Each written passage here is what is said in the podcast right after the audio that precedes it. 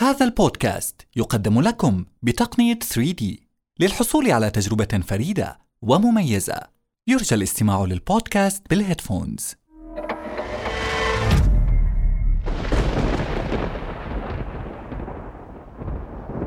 لندن الثاني من نوفمبر لعام 1917 الساعة الآن السابعة وخمس وعشرون دقيقة صباحا. صففت شعري ولبست معطفي المفضل. لا أعرف لماذا أسمع دقات ساعتي بشكل واضح ولا أجد تفسيرا منطقيا لسماع صرخات برأسي. ولكن هو السهر الطويل اثنا عشر شهرا أعمل على كتابة هذا النص.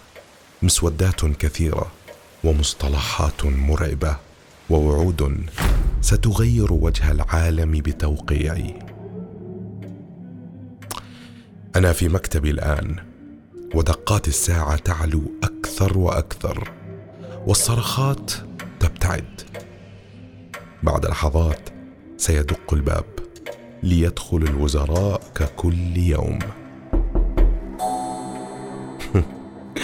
ها هم دخلوا ينظرون لي نظرات الانتظار ولا كلام بوجودي بينهم فهم يعرفون إني لا أحب الكلام في الصباح يتكلمون وبداخلي بركان من الغضب المصحوب بالمجهول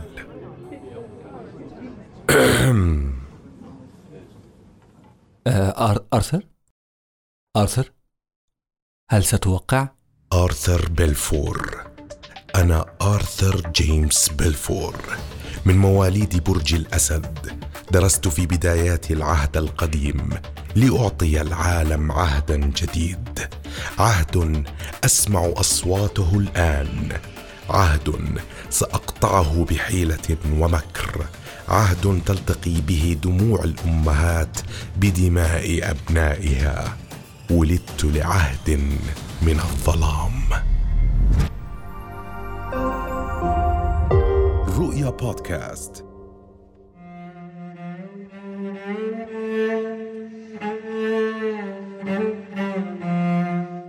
وعد ظن أصحابه أنهم يعطون أرضا بلا شعب إلى شعب بلا أرض. وبعد بلفور بثلاثين سنة كان قرار تقسيم فلسطين وبعده بشهور كانت النكبة. دربي الخناجر ولا حكم النادل فيه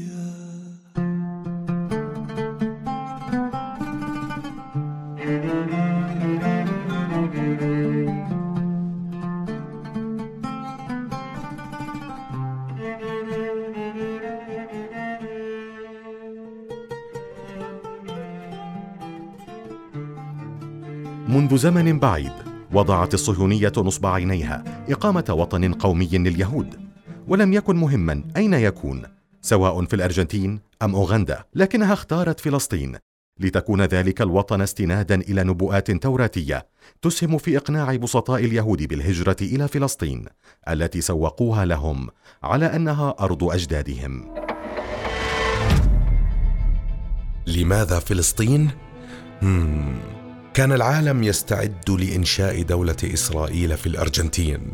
ولكن وجودهم في الأرجنتين لن يكن مهما. ولكن إنشاء دولة ذات طابع حضاري غربي في فلسطين يجعلها تتصادم مع أي دولة قد تخرج تحمل صحوة حضارية في المنطقة تهدد المصالح الغربية ومصلحتي. وأيضا لهذاك المكان قدسية عند اليهود مما يجعل تهجير اليهود الفقراء والفلاحين إلى أرض الميعاد والآباء سهلا. اما السبب الأخير ربما هو أكثر ما أثر في رأيي ورأي هرتزل بالأساس. فلقد كان لأصدقائه ومحدثيه وزائريه من الصهاينة دور في إنهاء تردده عن قرار فلسطين. ومنهم النائب اليهودي البريطاني صاموئيل مونتاغو الذي قال له لو كانت فلسطين هي وطننا فسأرحل أنا وجميع عائلتي إلى هناك إلى الأبد. يحتل وعد بلفور مكانة خاصة في الذاكرة الفلسطينية المتألمة وبينما يحتفل الإسرائيليون بالذكرى على أنها بداية العمل الجدي لإنشاء دولة إسرائيل. يحتفل بها الفلسطينيون على أنها البداية الحقيقية للنكبة المستمرة. كان ذلك الوعد رسالة عرفت باسم تصريح بلفور أرسلها وزير الخارجية البريطاني جيمس آرثر بلفور إلى أرفع شخصية يهودية صهيونية في بريطانيا لورد وولتر روتشيلد. تتعهد فيها الحكومة البريطانية بدعم مساعي الصهيونية بإقامة وطن قومي يهودي في فلسطين. من هنا بدأت القضية الفلسطينية. هذا الوعد من الناحية القانونية لا قيمة له. هو عبارة عن إعراب من الحكومة البريطانية أنها على استعداد يعني لدعم الوجود اليهودي وإقامة الوطن القومي لليهود في فلسطين لكن نشاط الحركة الصهيونية ونفوذ الصهاينة هو الذي أدى إلى تحويل هذا التصريح إلى وعد حقيقي وحصل ذلك أيضا أثناء مؤتمر الصلح في باريس سنة آرثر هل ستكتبها؟ ما زالوا ينتظرون لكنهم لا يعلمون هل ستكون رسالة أم وثيقة أم عهد. إنهم لا يعرفون لا أحد يعلم سوى المستلم. المستلم الذي ينتظر المستلم الذي سيواجه الدنيا بعهد سأقطعه أنا. لن يعترف به أحد سوى من يريد الاعتراف به. والتر دي روتشيلد. هو من سيستلم هذا العهد. هو أيضا من ساعد بكتابته. أمر مضحك ولكنه حقيقي. يكتب ما يريد لأحميه ممن لا يريده.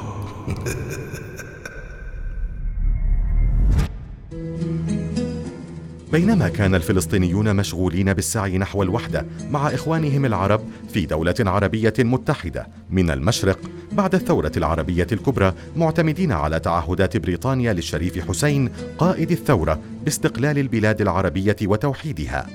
كان الغرب الاستعماري يتآمر مع الصهيونية العالمية لتغيير معالم هذا المشرق وسلب فلسطين من أهلها. كانت الفكرة الصهيونية هي أن تصبح فلسطين لليهود كما هي إنجلترا للإنجليز. وكانت أداة التنفيذ بريطانيا من خلال صك الانتداب. كانت بريطانيا من سنة 1882 قد احتلت مصر وأخضعتها تقريبا للحماية البريطانية. وقبل ذلك سنة 1869 كانت قد حفرت قناة السويس وأصبح الاتصال سهلا بحريا بين البحر الأبيض المتوسط والبحر الأحمر. وأصبحت بريطانيا هي المسيطرة على القناة. اذا وجود كيان يهودي في فلسطين على الجانب ال ال الأيمن أو الأيسر من, من القناة شيء في غاية الأهمية من الناحية الاستراتيجية ومن الناحية الأمنية. لهذا رأى عدد من المفكرين البريطانيين من سنة 1840 فكروا بأن يكون لليهود كيان في هذه المنطقة قبل وعد بالفور. وتبنى هذه الفكرة عدد من الليبراليين يعني الحزب الليبرالي وحزب أيضا المحافظين. الوعد البريطاني للشريف حسين بإقامة مملكة عربية متحدة فهمها العرب على أنها تشمل أيضا فلسطين. كانت الرسائل يكتبها مكمهون باللغة الإنجليزية ثم تترجم رسميا بنص عربي. يرسل إلى الشريف حسين الذي لا يمكن له أو لأبنائه أو بقية حاشيته أن يخطئوا فهم النص الذي يتحدث عن منطقة الأراضي الواقعة غرب ولاية دمشق.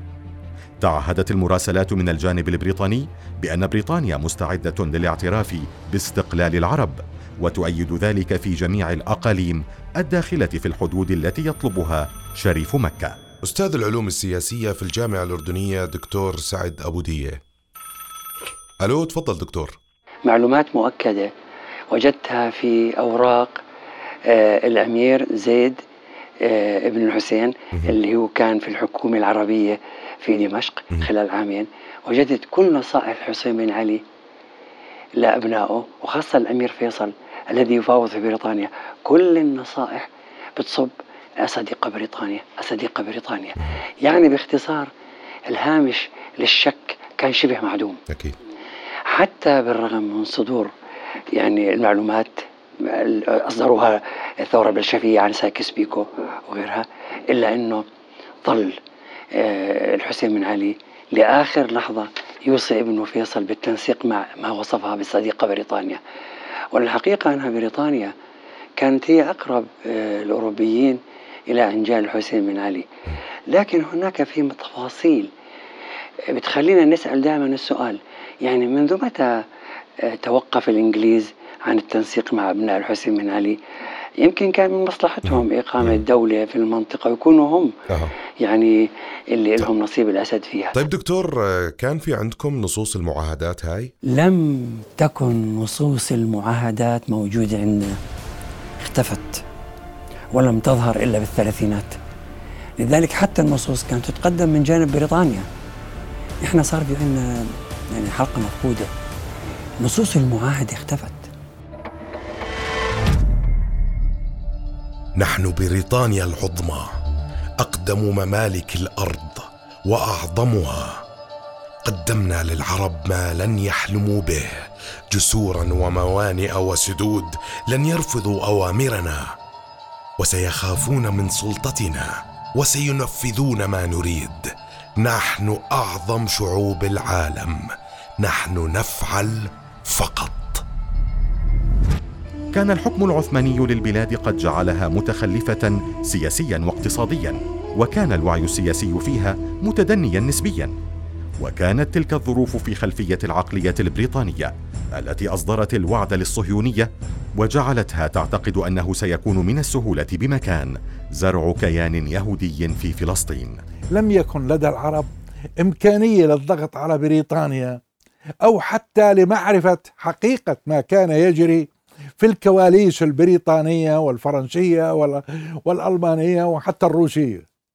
لم يكن العرب على علم بذلك. بيسمعوا من الصحف ومن من وسائل الإعلام المتوفرة آنذاك. وعلى ضوء ذلك بيسألوا الإنجليز بيتصلوا فيهم حتى يتأكدوا من صحة هذه المعلومات. والإنجليز خدعوهم وضللوهم ولم يعطوا لهم حقيقة ما كان يجري.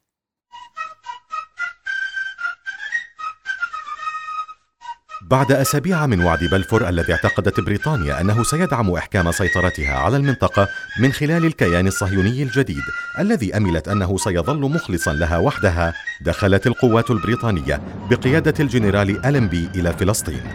وقد كان لبريطانيا أهدافها الخاصة من وراء اهتمامها ودعمها لإقامة وطن قومي لليهود في فلسطين إذ ستكون الدولة اليهودية نقطة ارتكاز للمصالح الأوروبية ويهود العالم. فهل كان هذا السبب الرئيسي لإصدار وعد بلفور؟ ظن الإنجليز أيضا في تلك الفترة أن آه، لليهود وزن وأهمية في العالم. وزن وأهمية أولا في آه، الولايات المتحدة الأمريكية. واعتمدوا عليهم لتحريك الولايات المتحدة الأمريكية للوقوف إلى جانب الحلفاء ودخول الحرب. لم يكن نص وعد بلفور كأي من النصوص الدبلوماسية الاعتيادية السهلة التي تصدر عن السياسيين وتحتمل تفسيرات وتأويلات مختلفة وينتهي مفعولها بتغير الظروف السياسية. فقد قصد بلفور ما هو أبعد بكثير مما تقوله كلمات وعده إلى اللورد روتشيلد. فالوطن القومي في تصوره وكما كان يقول لزملائه الوزراء سيؤدي حتما إلى الدولة اليهودية. كانت الحكومة البريطانية في ذلك الوقت ترى أن تأييد إقامة وطن قومي لليهود في فلسطين يتحول تدريجيا إلى دولة سيدفع بالقوة اليهودية إلى تأييد بريطانيا ومعها الحلفاء في الحرب ضد ألمانيا وتركيا وكذلك يمنع روسيا من وقف مجهودها الحربي. وكان الوعد أيضا ثمنا للوساطة الصهيونية التي أقنعت الولايات المتحدة بدخول الحرب إلى جانب الحلفاء. سأمسك قلمي الآن وأحاول الكتابة. سيظنون إني أريد كتابة العهد ولكنهم لا يعرفون إني حفظت النص الذي سيغير العالم. إن حكومة صاحب الجلالة تنظر بعين العطف إلى إنشاء وطن قومي في فلسطين للشعب اليهودي وستبذل قصارى وسعها لتسهيل تحقيق هذه الغاية. على أن يكون مفهوما أنه لا يجوز الإتيان بشيء من شأنه الإجحاف بالحقوق المدنية والدينية للطوائف غير اليهودية في فلسطين ولا بما يتمتع به اليهود في أي قطر آخر من حقوق. 67 كلمة إنجليزية هي مجموع كلمات هذا البيان لكنها شكلت نصا مدروس الألفاظ تغلف عباراته المرونة والدبلوماسية وكذلك التعقيد والالتواء والرغبة في إعطاء الكلمات أكثر من معنى. كان نص الوعد ثمرة 12 شهرا من الجدل والنقاش والمفاوضات بين قادة الصهيونية في بريطانيا ومسؤولي الحكومة. احتاج الأمر فترة طويلة للوصول إلى الصيغة النهائية لما أسماه صاحبه بالبيان أو الإعلان أو التصريح بدعم إقامة وطن قومي لليهود في فلسطين.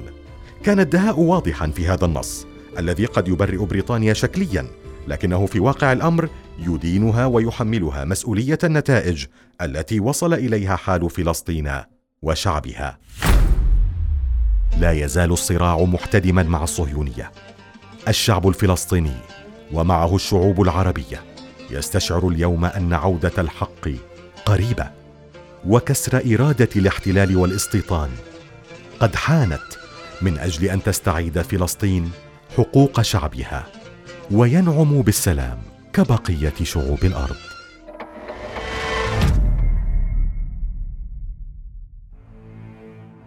التاسع عشر من مارس لعام 1930 لم أكن أعلم ما سيصنع عهدي للعالم ولم أكن أعرف ما سيحدث. إنه يوم العهد الأكيد.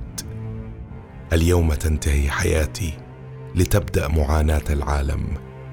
معاناة خطها قلمي معاناة صنعت من مكري ودهائي.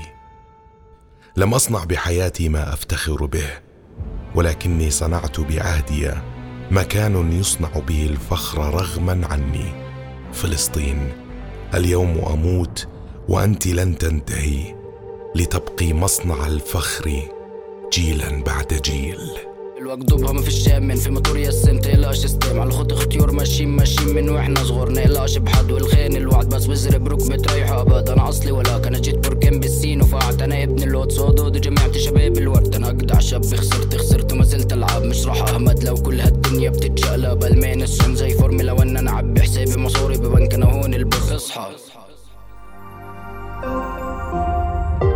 رؤيا بودكاست.